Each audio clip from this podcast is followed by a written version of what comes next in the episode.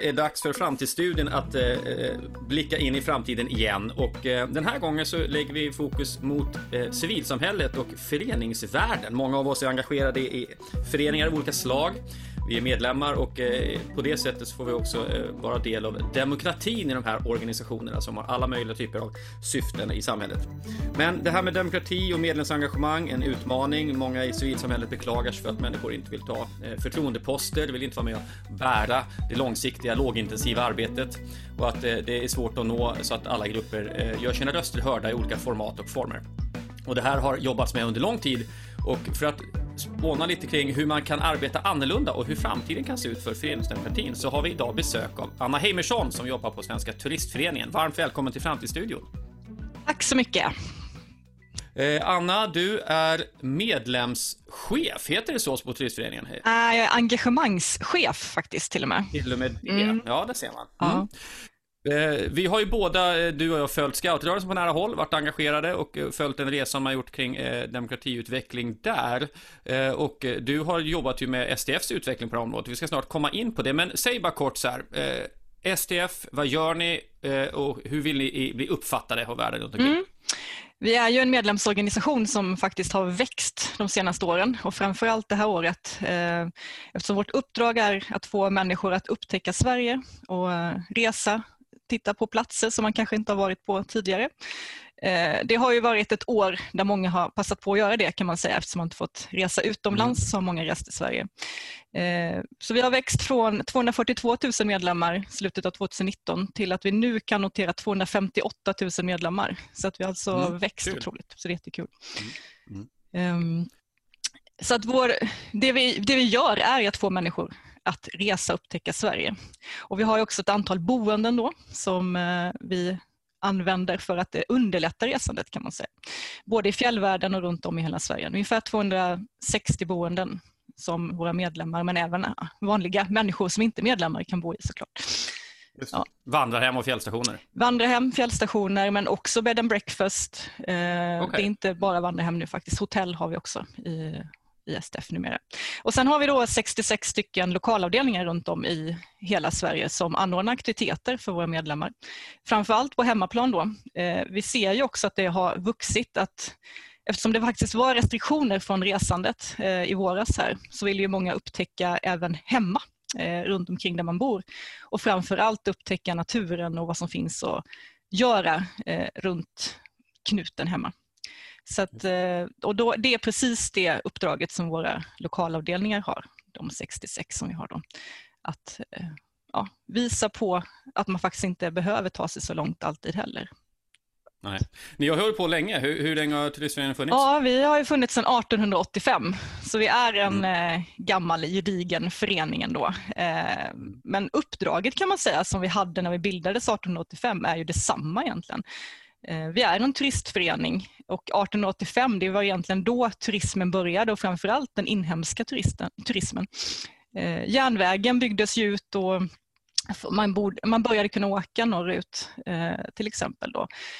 Järnmalmen transporterades på järnväg och sen kom då persontransporten också. Så att vi var ju egentligen pionjärer när det gäller turism i svenska fjällvärlden. Och det var också STF som stakade ut Kungsleden till exempel som är en väldigt eh, känd vandringsled i Sverige.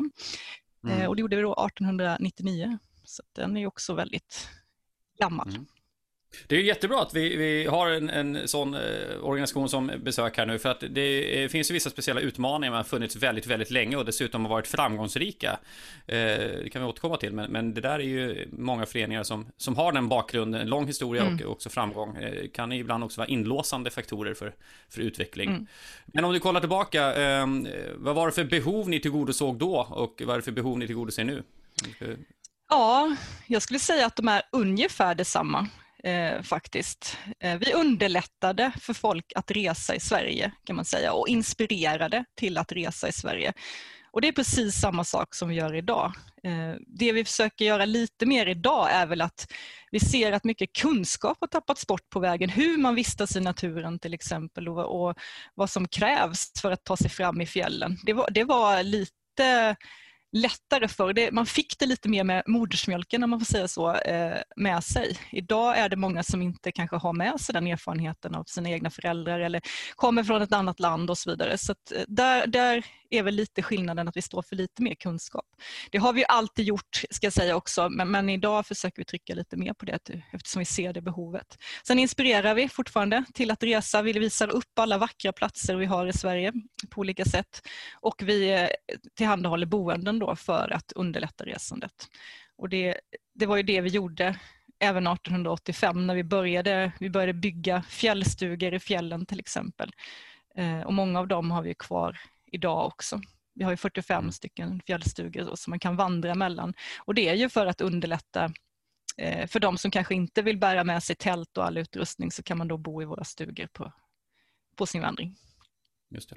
Vilka var det som var medlemmar i början i SDF? Jag tänker mig, det var inte gemene man som tog tåget ut till Storlien och knackade ut i fjällvärlden när man hade en lång semester, för det var ju långt från alla som hade på den Nej, tiden. precis. Det, det var ju lite övre medelklass och eh, det var ju egentligen ett, ett, gäng studenter som bildade det här, eh, den här föreningen i Uppsala, eh, kan man säga. Mm. Och det är ju lite så idag också. Och det är ju många föreningar liknande våra som har en typisk svensk vit medelklass liksom, som sina medlemmar. Och, eh, där är många som kämpar med att man kanske ska spegla samhället på ett annat sätt och det jobbar vi också mycket med idag. Att mm. få in fler människor med mer olika bakgrund helt enkelt.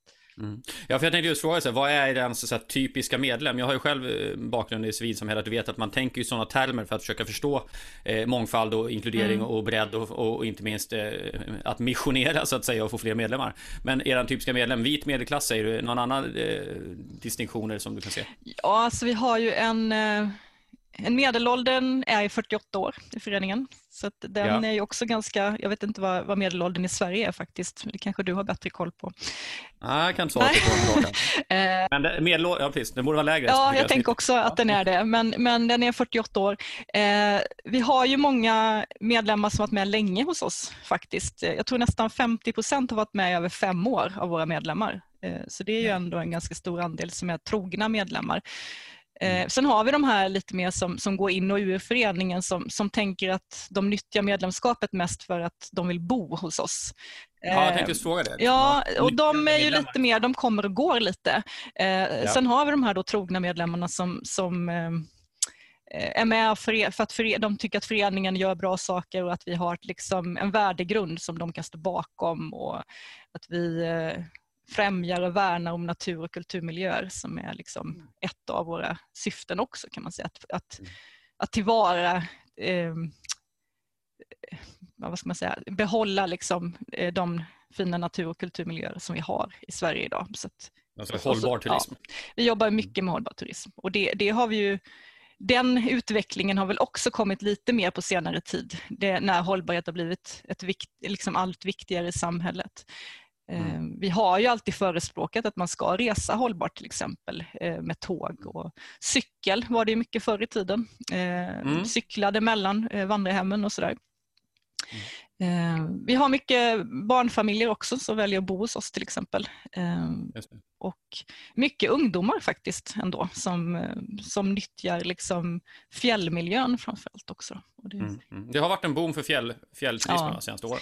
Mm. Sen är det ju vi står ju inte för det här kanske så många tänker på när man tänker skidåkning i fjällen. Vi har ju inga liftanläggningar direkt där man åker liksom och köper liftkort och går på afterski och så, utan vi står ju mer för kanske turskidåkning och eh, lite mer längd och ute i mm.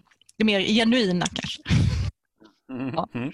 Men du, eh, jag tänker de här anläggningarna då, fjällstugorna äger ni ju. Eh, men folk som har, alltså du pratar om hotell men framförallt vandrarhem är det som är mest känt. Eh, om jag har ett vandrarhem som är med i SDF, äger jag mitt vandrarhem och, eller hur funkar det? Rent tekniskt? Ja, vi har eh, några boenden som vi driver själva som SDF. Liksom. Antingen hyr ja. Eh, bostaden då och så driver vi det själva. I nästan, nästan alla våra fjällstationer och våra fjällstugor är sådana. Men övriga boenden kan man säga runt om i Sverige är, precis som du säger, någon annan som äger och driver. Men som då har ett avtal med oss så att våra medlemmar kan, kan nyttja det billigare helt enkelt. Mm. Mm. mm.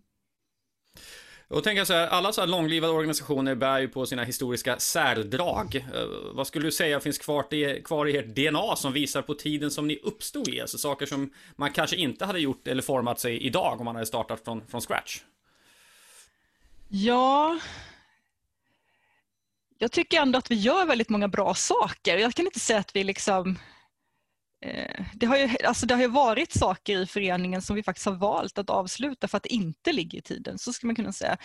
Mm. Eh, vi hade ju till exempel en resebyrå under lång tid där vi förmedlade resor mm. både i Sverige och utomlands som fungerade väldigt, väldigt bra. Sen kom någonting som kallas internet eh, och Många började boka sina resor eh, via nätet istället och då, då blev det inte så efterfrågat längre att ha en resebyrå på det sättet. Så då till exempel valde vi att lägga ner den. Mm. Eh, vi har haft gästhamnar har vi drivit till exempel. Eh, Just det. det var STF eh, som hade dem. Det mm. valde vi också att avveckla till exempel. Mm. Det vi ser nu liksom är ju att, att vi att vi har ett stort engagemang i STF som vi, ja, bland våra medlemmar som vi kanske inte riktigt tillvaratar. Och det, är väl lite, det har ju också sett lite olika ut genom åren. Men när STF bildades så hade vi ju till exempel inga lokalavdelningar. STF är lite speciellt på det sättet att Aha. det är ju faktiskt byggt Många föreningar bygger underifrån, att man har liksom sin, sitt lokala engagemang. Man går med i sin lokala förening, om man tittar på scouterna eller friluftsfrämjandet eller vad det är. Liksom det är där du lägger ditt engagemang. Och, eh, ja, sen vad man gör liksom, centralt eller så, det kanske man lägger mindre värderingar i. Eh, mm. Vi är lite tvärtom. Man, man, går med i STF liksom, som stor förening och sen eh, man, har man ett intresse så, så, kanske man ansluter sig till lokalavdelning. Eh, mång, det finns ju även såklart de som går med i lokalavdelningen först för det är där, den man kommer i kontakt med men, men det är inte det vanligaste sättet utan det vanligaste är ju att man kommer i kontakt med oss på något av våra boenden eller när du bokar ett boende via, via nätet hos oss. Mm. Men då, då, tänker jag så här, eh, för du beskriver ändå att, eh, som jag förstår uttrycker att ni har varit ganska bra på att hålla er uppdaterade och liksom inte för eh, sentimentala utan när saker inte bär sig eller inte känns meningsfulla längre då, då har ni gjort er av med det. Har det också att göra med att medlemmarna kommer in ifrån ett ibland lite ett nyttoperspektiv? Jag går med här för att det, det underlättar för mig att göra min grej. Jag är inte här för att organisationen driver någon stor samhällsfråga. Jag är inte här för att jag brinner för någon målgrupp som vi ska skydda eller rädda och så vidare. Och, så, och det gör att man får en mer avslappnad relation till exakt hur operationen relationen går till. Så länge jag kan eh, ha den här nyttan av att få tillgång till fjällstugor och andra hem. Finns det någon koppling där tror du? Ja, alltså det var nog lite så för, mer för några år sedan ska jag säga. Eh, men vi har lite vänt det faktiskt ska jag säga, de senaste åren. Från början var det mycket det här, ja men jag är med liksom för att jag, jag vill ha någonting. Eh, men vi har faktiskt vänt det till att nu när vi gör våra medlemsundersökningar så ser vi att vi har fler medlemmar som är nu faktiskt med för att de känner att de ger någonting. Mm. Ja, att, ja, hur kommer det sig då? Vad, vad är grunden till den utvecklingen? Eh, ja, men vi har gjort ett medvetet, eh, en medveten förändringsresa där faktiskt. I hur vi har pratat med våra medlemmar, hur vi har kommunicerat kring vad vi står för och vad vi gör och vad man är med och bidrar till om man är medlem hos oss. Mm, så det har blivit tydligare i kommunikationen och tilltalet? Ja, och det har vi gjort medvetet faktiskt. För att vi såg liksom att, att vi, vi vill ju inte vara den där föreningen som man bara liksom blir ett rabattkort. Ja, det. Eh, det. var inte därför vi såg att vi fanns till, eh, eller för att vi finns till, utan vi ser ju att vi gör en nytta i samhället, precis som du säger, genom att liksom kunna tillhandahålla boenden, att, att stå för den här kunskapen kring natur och kultur, att vi främjar och bevarar eh, svenska natur och kulturvärden. Vi står för en mm. hållbar turism.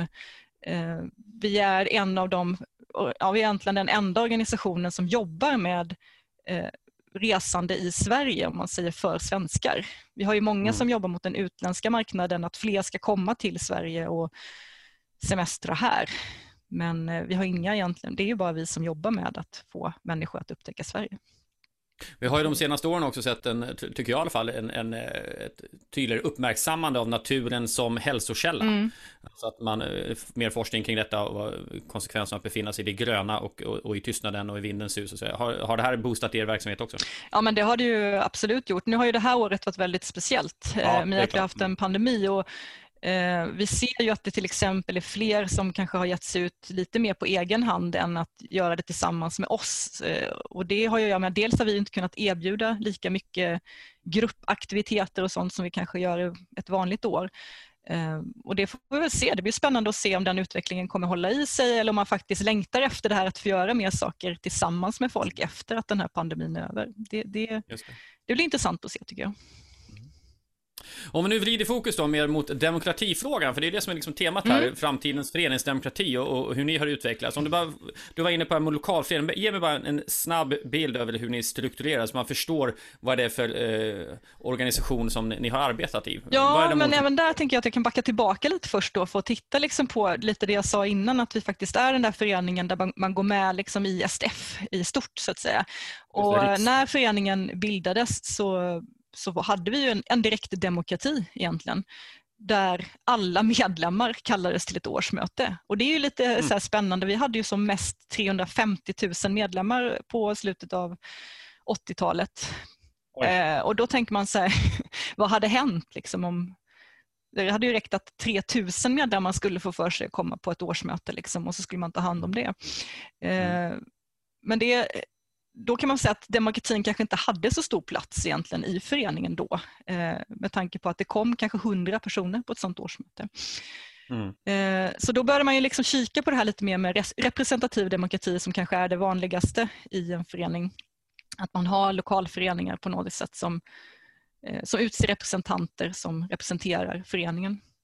Eh, och det gjorde man då på 70-talet i STF. Då började man, det fanns ju några lokalavdelningar som hade börjat bildas egentligen på 60-talet kan man säga att, att den här eh, föreningarna växte fram. Den första föreningen bildades eh, i mitten av 60-talet när vi la ner en eh, turistbyrå egentligen i Malmö de som okay. jobbade där kände att jaha, men ska vi nu inte få fortsätta att uh, guida människor här i den här omgivningen, det mm. som är mm. så fantastiskt roligt, liksom. det är det bästa vi vet. Så de valde att bilda en lokalavdelning i SDF för att kunna fortsätta visa upp liksom, omgivningen i Skåne då för, för medlemmarna. Mm. Eh, och, så det var den första lokalavdelningen. Sen växte det några och sen på 70-talet då så tog man beslut om att nu ska vi ha lokalavdelningar i hela landet. Eh, så då skickade man ut två personer som, som fick i uppdrag helt enkelt att bilda nya lokalavdelningar. Samla in, man skickade ut brev till medlemmarna och kallade till möten och lyckades bilda, ja, i slutet på 70-talet, början av 80-talet så hade vi i alla fall tror jag, 80 lokalavdelningar.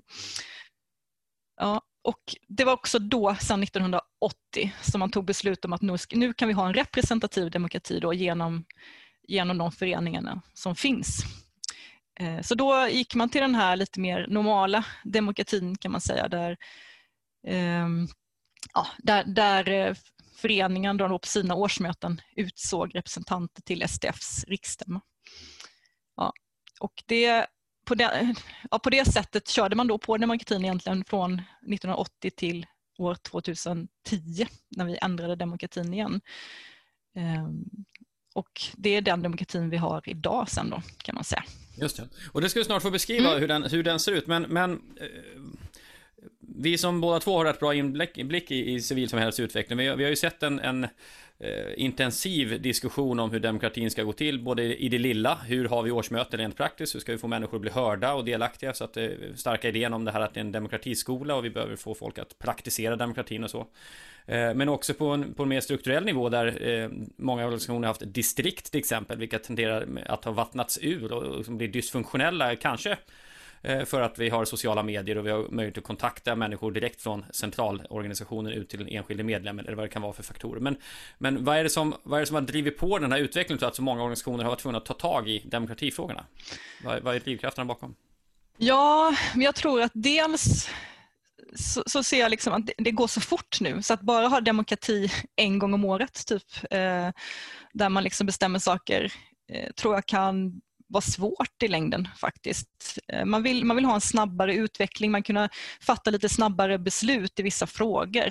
Så det tror jag kan vara en, en del i det hela, att man liksom vill ha en mer, mer pågående demokrati hela tiden och det kan man se att en del, liksom, sen Facebook kom till exempel, att många eh, har liksom en diskussion med sina medlemmar kanske på sin Facebook-sida. Eh, eller man kanske har någon någon chatt eller eh, så på sin sida liksom, där man för en mer eh, ja, en löpande dialog kan man säga med sina medlemmar på ett annat sätt. Och, det kanske är medlemmar som i vanliga fall inte skulle liksom låta sig väljas till ett årsmöte eller en stämma. Liksom, utan man vill kunna påverka på andra sätt. Den demokratiformen passar inte alla människor. Den är ganska krånglig faktiskt, vår demokrati. Det är mycket svåra ord och det är stadgar och man måste förstå ganska mycket för att kunna delta i, i den demokratiska processen många gånger. Men har medlemmarna blivit dummare då menar du? Eller varför klarar man det förr och inte idag? Nej, det tror jag inte. Men jag tror Nej. kanske att Bra man... svar där, mycket taktiskt. Men jag tror att man kanske, man får inte med sig det på samma sätt heller. Alltså, Nej, heller vi har inte de, den demokratiskolan riktigt eh, och där kan man fundera på, liksom, är det civilsamhällets uppgift att ha en demokratiskola? Jag tycker ju det på, på sätt och vis att det är det. Eh, mm. Men jag tror att vi har tappat det lite grann faktiskt i vissa delar. Alltså ambitionen om att inkludera har ju blivit större och starkare. Vi vill nå fler än vad man stod ut med förr. Jag jobbar med en organisation för inte så länge sedan här som är ju en kooperativ organisation, stor och har varit väldigt framgångsrik och, och, som gärna lyfter fram det demokratiska i det kooperativa, men som också eh, berättar helt ärligt att grundarna och de som driver fram den här organisationen, de var inte alltid så himla demokratiska, så det var rätt mycket eh, eh tydligt, alltså en del kanske skulle kalla det gubbvälde idag, men annan kanske säga det var mycket entreprenörer, entreprenörer är inte alltid så himla upptagna av att alla ska hänga med, utan det gäller att förverkliga en idé, och man driver på, man missionerar och kör sitt race. Liksom. Det, det, håller jag med om. Jag tror att det är mycket det, att det, vi vill ha fler med på tåget, det tror jag liksom är en del i det hela också. Att vi, mm. eh, att in, och inkludera fler, då blir det liksom, då måste vi underlätta demokratin på olika sätt. Liksom, eh, för, mm. Och det är det jag tror jag ville säga med det, att den är liksom inte riktigt till för alla, för det passar inte alla eh, med, med stadgar och liksom det här byråkratiska som det ofta blir med demokrati. Liksom. Ja, men där tänker jag också att du lyfter fram en annan sak som, som eh, vår, vår, eh, de senaste eh, 30 åren minst har, har handlat om, att det passar inte alla. Förr skulle man aldrig eh, gå utgå från individen på det sättet, utan medlemmen fick ju passa föreningen, mm. alltså se till att passa föreningen. Och, och, det där är ju en balansgång, alltså vi kan ju inte ha stadgar som är formulerade i 127 Nej. olika varianter för att alla ska förstå. Eh, tror jag inte i alla fall är tekniskt möjligt, men, men, men eh, det finns någon mellanväg här, men, men vi har ju haft, vi har ett samhälle som har gått mot mer individanpassning och om individen inte förstår så är det systemet som, som ska ändras, det är inte individen som ska utbildas eller så, mm. om jag hårdrar det. Eh, och det där är också ett skifte som man inte, det problemet hade man inte förr. Nej. Förstod du inte stadgarna fick du väl fråga någon eller så fick du väl inte vara med om jag hårdrar mm. det mm. ännu mer då. Samtidigt som många av folkrörelserna var ju, eh, hade ju, jobbade systematiskt med att utbilda folk i mötesteknik och, och hur funkar demokrati. Absolut, och det tycker jag att man är ganska bra på fortfarande i en del föreningar. Att faktiskt mm. försöka utbilda och förstå föreningsdemokrati. Samtidigt som man försöker hitta andra vägar för att inkludera fler i demokratin. Liksom. Att, och då, när jag säger demokratin, då är det ju möjligheten egentligen att få, få vara med och, och tycka och bestämma. Liksom. Att man eh, känner sig inkluderad i det på olika sätt. Mm. Mm.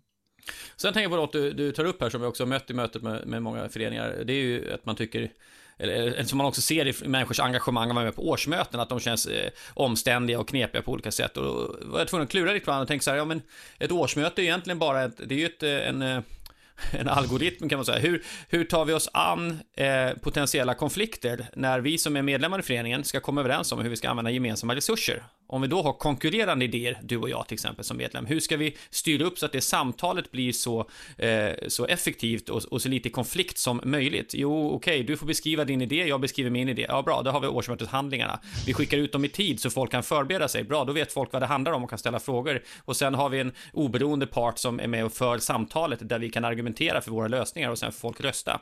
Och tittar man på det sättet så blir ju ett årsmöte ett strukturerat sätt att undvika konflikter om gemensamma resurser. Mm. Men problemet med föreningar som har levt länge ibland också, det är att man gör ju samma sak hela tiden. Mm. Då finns det alltså inga konflikter och då blir den här strukturen helt övertung så att säga. Den blir helt meningslös. Varför ska vi gå alla de här stegen för att komma fram till något som vi fortsätter spela pingis nästa år som vi gjorde förra året? That's it liksom. Fast jag, jag tänker också att det är det som gör föreningens DNA lite grann, det du var inne på också, att, att det är liksom vissa frågor kommer ju nästan alltid tillbaka. eh, om man tittar liksom, det är vissa frågor som som är väldigt viktiga för medlemmar att få diskutera på något sätt. Eh, och då tror jag att de diskussionerna i frågan, precis som du är inne på, de, skulle egentligen, de kan ju ske mellan årsmötena. Man kan ju ha diskussionen på, på Facebook mm, eller jag absolut. kan ringa dig liksom och, och, diskutera den här frågan och vi kan komma med kloka tankar och sådär. Men jag tror precis som du säger att, att ska man liksom ändå besluta någonting i någon fråga, då behöver det vara någon slags organisation kring det för, för, att det ska bli tydligt. Annars kan det ju bli väldigt kaosigt tror jag om man skulle mm. släppa lös liksom alla idéer. Precis, och det är där jag tänker att det är det som föreningar ibland misslyckas att kommunicera. Vi gör det här av det här skälet. Vi har den här processen av det här skälet för att hantera frågor som skulle kunna bli väldigt smärtsamma eller problematiska om vi får en stående konflikt eller ett, ett inbördeskrig om jag hårdrar det då. Men alltså, förstår man inte den kopplingen, då blir ju processen helt meningslös och då förstår jag att folk inte heller vill ägna sig åt den. Eh, att, eh, och det säger någonting om en förening som förnyar sig mycket behöver mycket processstöd för att det kommer mycket diskussioner om vart vi ska. En förening som repeterar väldigt mycket vad de gjort tidigare behöver inte lika mycket. Och det kommer vi tillbaka till sen, för jag vet att du också funderar på hur mycket demokrati behöver, behöver man egentligen, så att säga. Men okej, okay, låt oss nu eh, titta närmare på er resa här. 2010, ni har en äh, representativ demokrati där lokalföreningar väljer ombud som kommer till riksstämman. Mm. Men vad händer sen med detta? Ja, sen får vi en motion faktiskt, på tal om förslag då, till vårt årsmöte. Eh, där några medlemmar tycker att ja, men jag är inte så intresserad av den verksamheten som bedrivs i eh, lokalavdelningen. Jag vill hellre liksom jag är en sån som vandrar i fjällen och bryr mig om STF, liksom att det hålls öppet, att liksom hur stugorna fungerar, eh, vem som driver dem till exempel och, och de frågorna. Och de, de, behandlas inte i lokalavdelningarna och de som representerar mig från lokalavdelningarna kanske inte driver mina frågor. Eh, så att då föreslår man att se över demokratin för att se, kan vi ha liksom en, en representativ demokrati eller en direktdemokrati på något annat sätt? Och den motionen kommer 2006 faktiskt. Okej. Okay. Ja. Mm. Eh, och sen påbörjar man då en, eh, en ganska lång process faktiskt för att liksom se över demokratin och, och fundera liksom på alternativa lösningar. Eh, och på stämman, vi har stämma varannat år, så stämman 2008 behandlar en remiss kan man säga, liksom ett, ett förslag som finns och sen justerar man det för att på stämman då 2010 kunna fatta ett beslut om en annan typ av demokrati som är en representativ demokrati fast för, hos, för alla SDFs medlemmar. Ja, och berätta nu hur den ser ut i, i liksom så eh, korta, tydliga ja. ordalag som Mm. Eh, när vi då beslutade 2010 så, så var det så, och det är egentligen grunden idag. Sen har vi gjort lite justeringar egentligen hela tiden. Den sista justeringen gjordes egentligen för två år sedan. Eh, för att liksom vi har sett grejer ut med resan sen som, som har som inte har fungerat helt bra utan då har man fått justera lite och det har varit väldigt lyckat att kunna göra det, att jobba på det sättet. Men, men då mm. när vi tog det här beslutet 2010 så innebar det att Eh, det är egentligen våra medlemmar som utser ombuden. Och det gör man genom att man först som medlem kan föreslå eh, personer. Jag kan föreslå dig Fredrik till exempel till medlemsombud. Tycker att du är en bra mm. person och eh, skulle kunna representera medlemmarna i STF. Sen har vi en nomineringskommitté Eh, som eh, när de här förslagsperioden då är över, alla förslag som kommer in ser de över och då har de en instruktion kan man säga som de jobbar efter. Det ska vara en viss geografisk spridning, man ska se till ålder och kön och lite intressen och sådär för att få en bra blandning på de här. De nominerar då minst 100 personer eh, som sen presenteras på vår hemsida. Eh, och där kan man nu då som medlem gå in och rösta. Eh, och då har man Men nu ska se. tre röster var sen. Ja, just det. Ja, förlåt, tre röster var. Ja, precis. Den här nomineringskommittén, jag fick för mig när jag läste något material att eh, de är nio personer. Mm. De är nio personer. De vaskar fram 100 pers. Ja, och jag kan säga att från början då, 2010, då var de 15 personer. Eh, och anledningen till det var väl när vi gjorde, alltså det fanns ju en stor oro såklart, men det här var en ganska stor förändring. Men ja, tog ju egentligen, kan man säga, makten från, om man nu får säga så, eh, lokala föreningarna och flyttade flytta den liksom till medlemmarna i stort. Och det fanns en mm. oro till exempel att kommer vi ha en eh, en bra geografisk spridning på våra medlemmar eller kommer, kommer vi här i Skåne sitta utan någon liksom som representerar de delarna här nere? Och, eh, och då blev det så att man satte en nomineringskommitté på 15 personer som fanns liksom med en bra spridning över hela landet så att man liksom kunde säkerställa på något sätt att, att eh, mm att hela landet skulle representeras. Eh, sen, sen efter ett par år så märkte jag att det här var lite för många för att sitta liksom och, och eh, göra det här. Det är lite att Nomineringskommittén kan ju också verka för att få in förslag själva. De jobbar ju under året också liksom och ringer runt till eh, lokalavdelningar och våra boenden och sådär för att se om de har bra personer att, att mm. föreslå då som, som ombud. Så det är ju ett mm. litet jobb med det också. Det är ju inte bara att det kan ju låta liksom ett uppdrag att bara nominera de här personerna. Ehm, utan de har ju liksom lite runt omkring också som, som ingår i uppdraget kan man säga. Just det. Men om jag förstår rätt då, så vilken medlem som helst kan nominera, eh, eller föreslå vilken medlem som helst till nomineringskommittén som sen vaskar fram hundra stycken som man tycker det här är en grupp som representerar olika intressen, olika geografiska eh, platser och så mm. vidare. Mm. Och sen så kan jag som medlem gå in på hemsidan och rösta på de här eh, nominerade personerna. Yes, så är det. Ja, och det jag röstar på det är att de ska vara med på riksstämman. Ja, eh, då ska jag säga från början var det så. Eh, ja. När vi gjorde om det här då, eh, eller tog det här beslutet 2010, då valdes man ungefär att man, jag tror att valet slutade i, ska jag se rätt här, ja, det slutade vid årsskiftet året innan stämman, vi har riksstämma i maj. Eh, mm. Och sen fick man då eh, som medlem veta om man var vald där i början på året. Och sen kom ju egentligen alla riksstämmohandlingarna ut där i mars. Vilket gjorde att du hade egentligen inte så lång tid på det. Många av de här medlemmarna, kanske var, en del var ju helt nya i föreningen och hade inte så stor liksom erfarenhet av vad STF har gjort tidigare eller sådär. Man hade ganska lite historik med sig och man hade ganska kort tid på sig då att läsa in liksom, sig på hela föreningen och alla dokument och så inför en riksstämma. Eh, så att efter fyra år så utvärderade vi det här då och så på stämman 2014 så jag tror att jag säger rätt nu, eller om det var 2016, jag blir faktiskt lite osäker, men eh, så, tog, så um, reviderades demokratin lite eh, så att det här valet flyttades. 2016 var det nog förresten. Eh, så att nu väljs de här ombuden, vi har inne, mitt inne i vår valperiod nu, till, man kan mm. välja fram till den 15 december här, då är valet öppet på vår hemsida. Ja, eh, och då väljs ju de nu och vi, har, vi hade ju vår riksstämma nu i maj i år, så nu väljs de alltså ett och ett halvt år innan riksstämman istället till medlemsombud Oj. som vi kallar det. Och det är just för att liksom, då, kan, då kan de ha ett större och bredare uppdrag. Huvuduppdraget är ju såklart att, att vara medlemmarnas representant på, på riksstämman. Eh, men under de här ett och ett halvt åren har de också möjlighet att vara, med, vara liksom lite styrelsens bollplank i vissa frågor, även kansliets bollplank i vissa frågor. Eh, lite mer strategiska. Eh, ja, men vi vill titta på det här, liksom. då kan man skicka ut det på en remiss till ombuden till exempel. Styrelsen kan prata med dem om de har förslag på större förändringar. Eh, så kan man ha en diskussion ett och ett halvt år innan med medlemsombuden. Så när stämman väl kommer, då har man redan diskuterat den här frågan ett år innan. Så att, Visst att det blir diskussioner på stämman men man har en större samsyn redan då med liksom vilket håll man ska ja. gå åt. Det där är ju väldigt intressant. Å ena sidan då så breddar man ju då att vem som helst kan bli eh, föreslagen och, och i slutändan nominerad, han nomineringskommittén då till att vara eh, du säger medlemmarnas representant, men egentligen har man ju valt ett slags eh, temporärt parlament. Så här, det här är våra politiker just nu. Det är de här som är med och fattar beslut. Mm.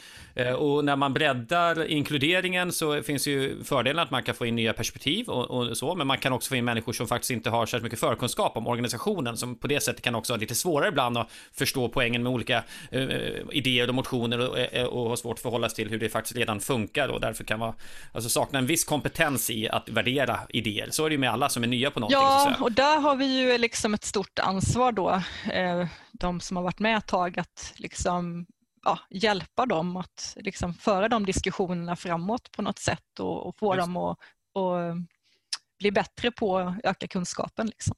Men, men då tänker jag att det är därför ni förlänger den här tiden då, att man sitter mycket längre som, mm. som utvald eh, ombud eh, för medlemmarna. Eh, samtidigt som det betyder att man också är då som säger remissinstans mot styrelsen, det vill säga man eh, saker som medlemmarna inte har någon aning om hur jag kommer förhålla mig till eh, kommer jag ha, eh, tvingas ha åsikter till eller tvingas, jag kommer få chansen att ha åsikter om saker som dyker upp under den här perioden när jag är ombud. Och jag tycker det här är intressant för det här blir en principiell fråga om demokrati så att säga. Jag väljer någon som jag inte vet vilken åsikt den kommer ha utan jag kommer välja någon egentligen utifrån kanske intresse till exempel och, och någon idé om geografisk anknytning men också egentligen en, en person utifrån dess karaktär. Alltså litar jag på den här personen, tycker att den verkar tänka på ett sätt som, som jag delar och verkar den ha omdöme och så vidare. Att det blir eh, viktigare jämfört med den gamla formen där jag kanske som lokalförening då tittade på årsmöteshandlingarna, vi kom överens om vad vi tyckte och sen skickade vi ett sändebud som sa det vi tyckte mm. vid årsmötet. Det, det, jag, det är det jag vill få syn på här, hur ni försöker då så modernisera de demokratiska formerna och vilka konsekvenser det får för hur beslutsfattande och hur stark kopplingen är mellan den enskilde medlemmen och ombuden mm. på årsmötet.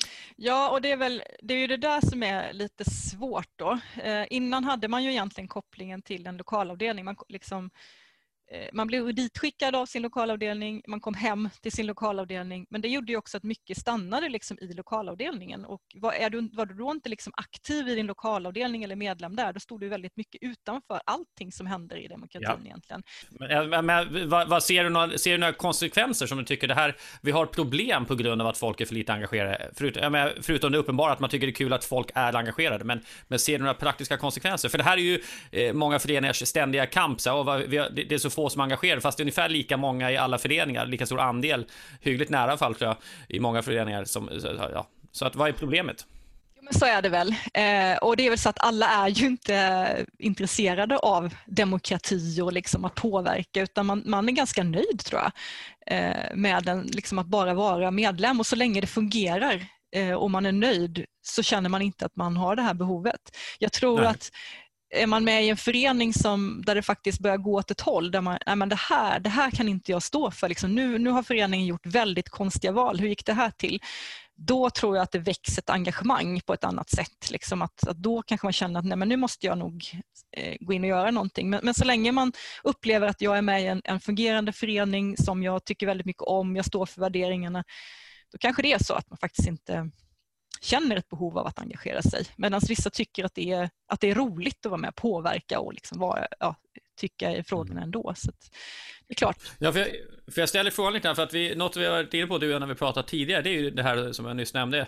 Hur mycket demokrati behövs? Mm. Och jag ställer den frågan utifrån, när vi gjorde vår studie i Morgondagens Medborgare bland annat, så kunde vi se en skillnad mellan yngre och äldre, eh, där eh, äldre i hög grad till exempel tycker att alla ska ha rätt att rösta i riksdagsval oavsett vad man vet om politik. Mm. Jag vill minnas det är strax över 70% i, i åldersgruppen 56 till 65 som tyckte det, strax över 70%. Snittet i Sverige, alla svenskar, det är 66% som tycker att alla ska få rösta oavsett vad man kan. Medan i den yngsta gruppen 16 till 25 så är det bara 49% som tycker att alla ska få rösta oavsett vad man kan.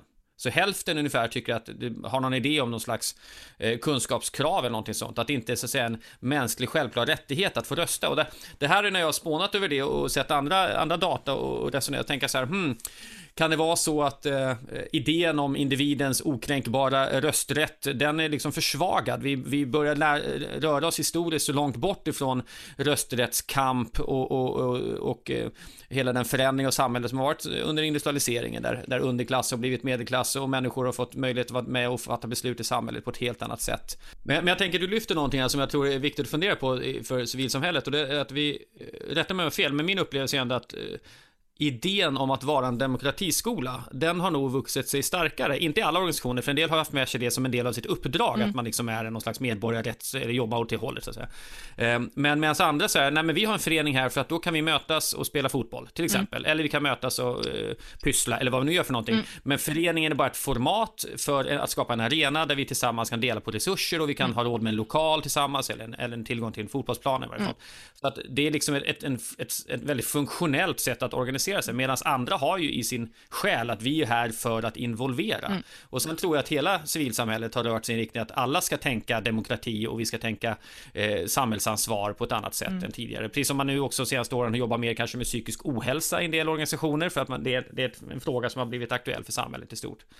Eh, men det här är ju inte säkert att det är relevant på lokalplan för alla. Nej. Jag kanske är med i fotbollen för att fotboll brinner jag för, det är bäst jag vet. Men det andra samhällsskolningen, det är så här, nej, det är inte, det är inte därför jag är här. Liksom. Nej, och jag tror liksom att så länge man, som jag sa innan, märker att det funkar, jag får göra det jag vill, eh, det finns liksom det jag behöver i den här föreningen, det verkar vara någon annan som sköter det här liksom, och jag litar på de personerna, då tror jag att, att man inte ser samma behov av att liksom engagera sig. Jag, jag tror nej. att engagemang skapas ju många gånger för att man kanske är missnöjd med någonting faktiskt. Eller liksom att man känner att ja, men det, här, det här känns inte helt bra eller jag ser att det finns en större potential i en viss eh, eh, fråga eller att vi skulle liksom verkligen kunna nå hit. Om man liksom har det, att man drivs av det, då tror jag mm. man engagerar sig. Eller som jag sa, att, att det är någonting man är missnöjd med.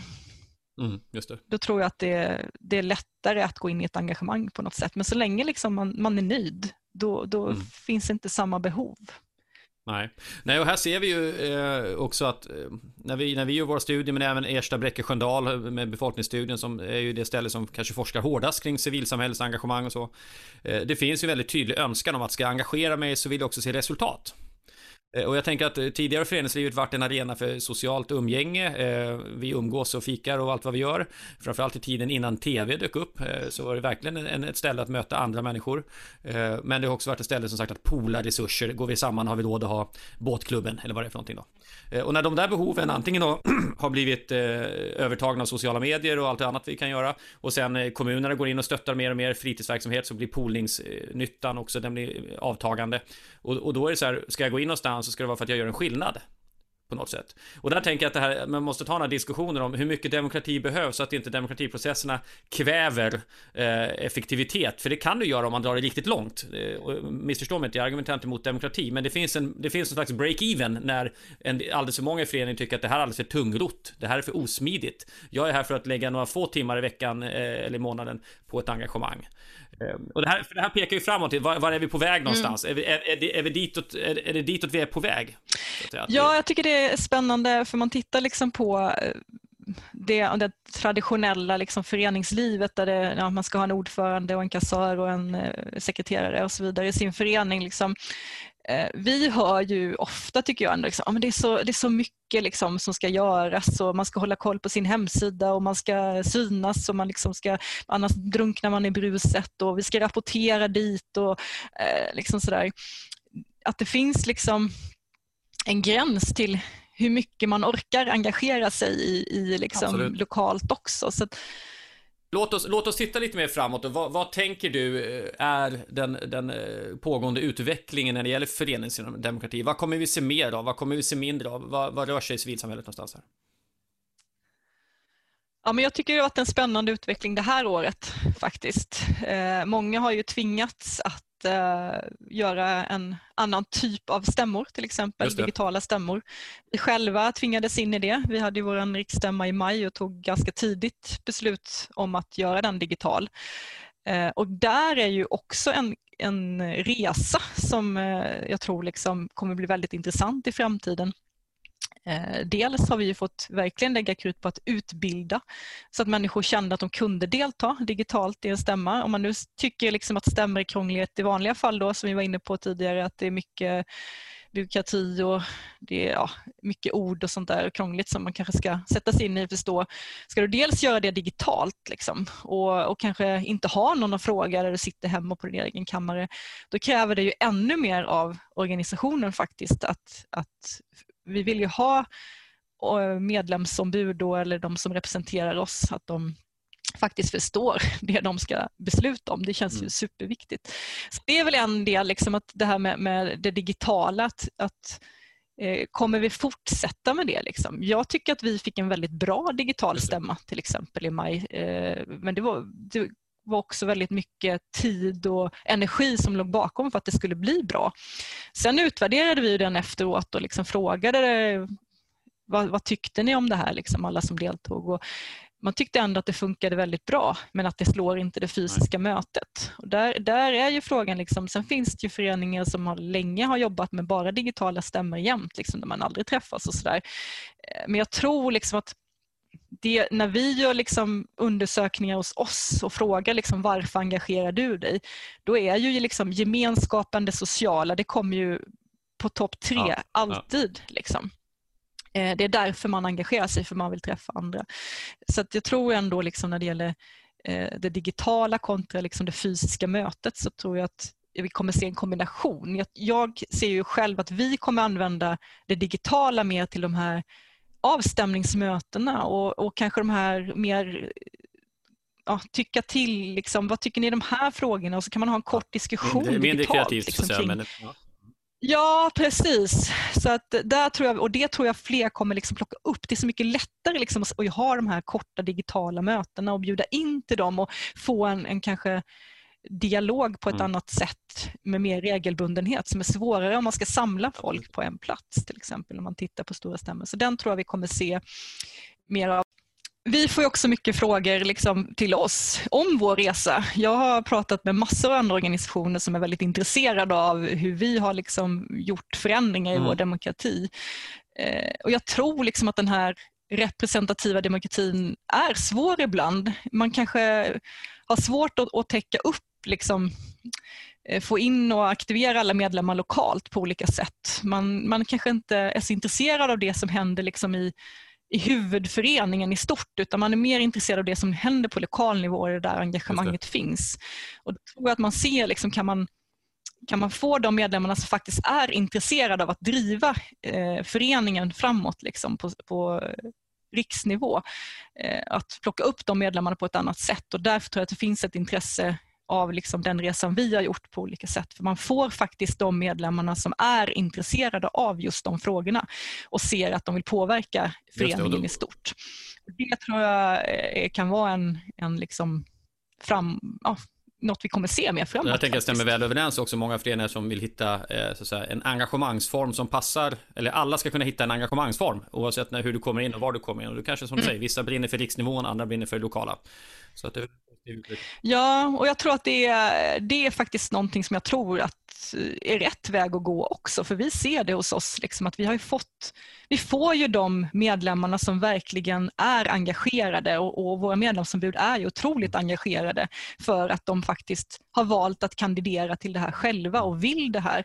Sitter man och, och blir utvald på loka, lokal nivå som man ofta blir så kanske det är lite mer det här, ja men Fredrik kan inte du åka i år eh, på den där stämman liksom.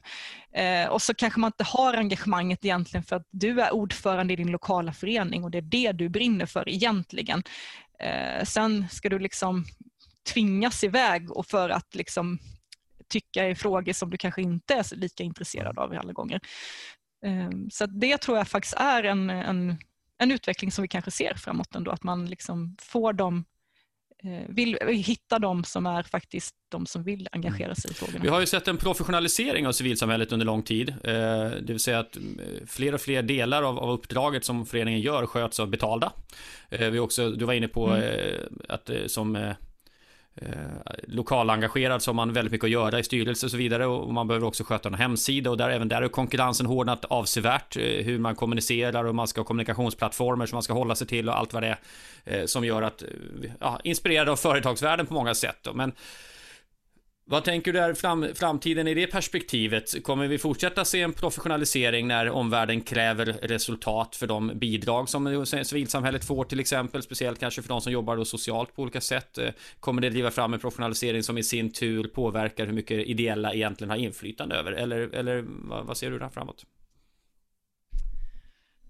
Ja, det där är en jättespännande fråga tycker jag, eh, som är ganska svår att sia om. För jag, jag, tycker att vi ser lite både och faktiskt. Jag tror att eh, mycket kommer nog professionaliseras. Jag tror att liksom det här administrativa delarna du är inne på, liksom, det är massa redovisningar och sådär, liksom, där tror jag det är inte så jättemånga som vill ha det som ett liksom, frivilligt engagemang och sitta liksom, med de där sakerna. Och där tror jag liksom, att det kanske behövs anställda som gör det där jobbet. Sen tror jag liksom, att när det gäller andra frågor, vi ser ju ändå ett ökat engagemang i eh, när det gäller liksom volontärarbete i liksom mer tydliga avgränsade eh, uppdrag. Och där tror jag liksom att vi kan man liksom tydliggöra de uppdragen mer inom sin organisation. Att vi behöver liksom folk som engagerar sig den här tiden i de här frågorna eh, mm. på den här platsen till exempel. Kan vi som organisationer bli tydligare med det, då tror jag liksom att vi kan använda liksom ideella krafter mer till att driva sådana frågor, än vad, mer än vad vi gör idag faktiskt. För det, det drivs människor av och man vill hjälpa till och det, det handlar bara om att fråga folk tror jag och, och vara tydliga med vad de ska göra Eh, som organisation så, så, tror jag faktiskt att vi kan, kan se ett, ett skifte där, där vi skulle kunna få in mer liksom, engagemang i föreningarna. Eh, men, men där vi tar över liksom, vi, vi anställda då att ta över liksom mer av de här eh, strategiska och liksom ja, pappersarbetet. så att det, den professionella organisationen blir, blir plattformen där man som medlem kan jacka in för att göra en uppsatt, eller insats av, av kortare slag kanske.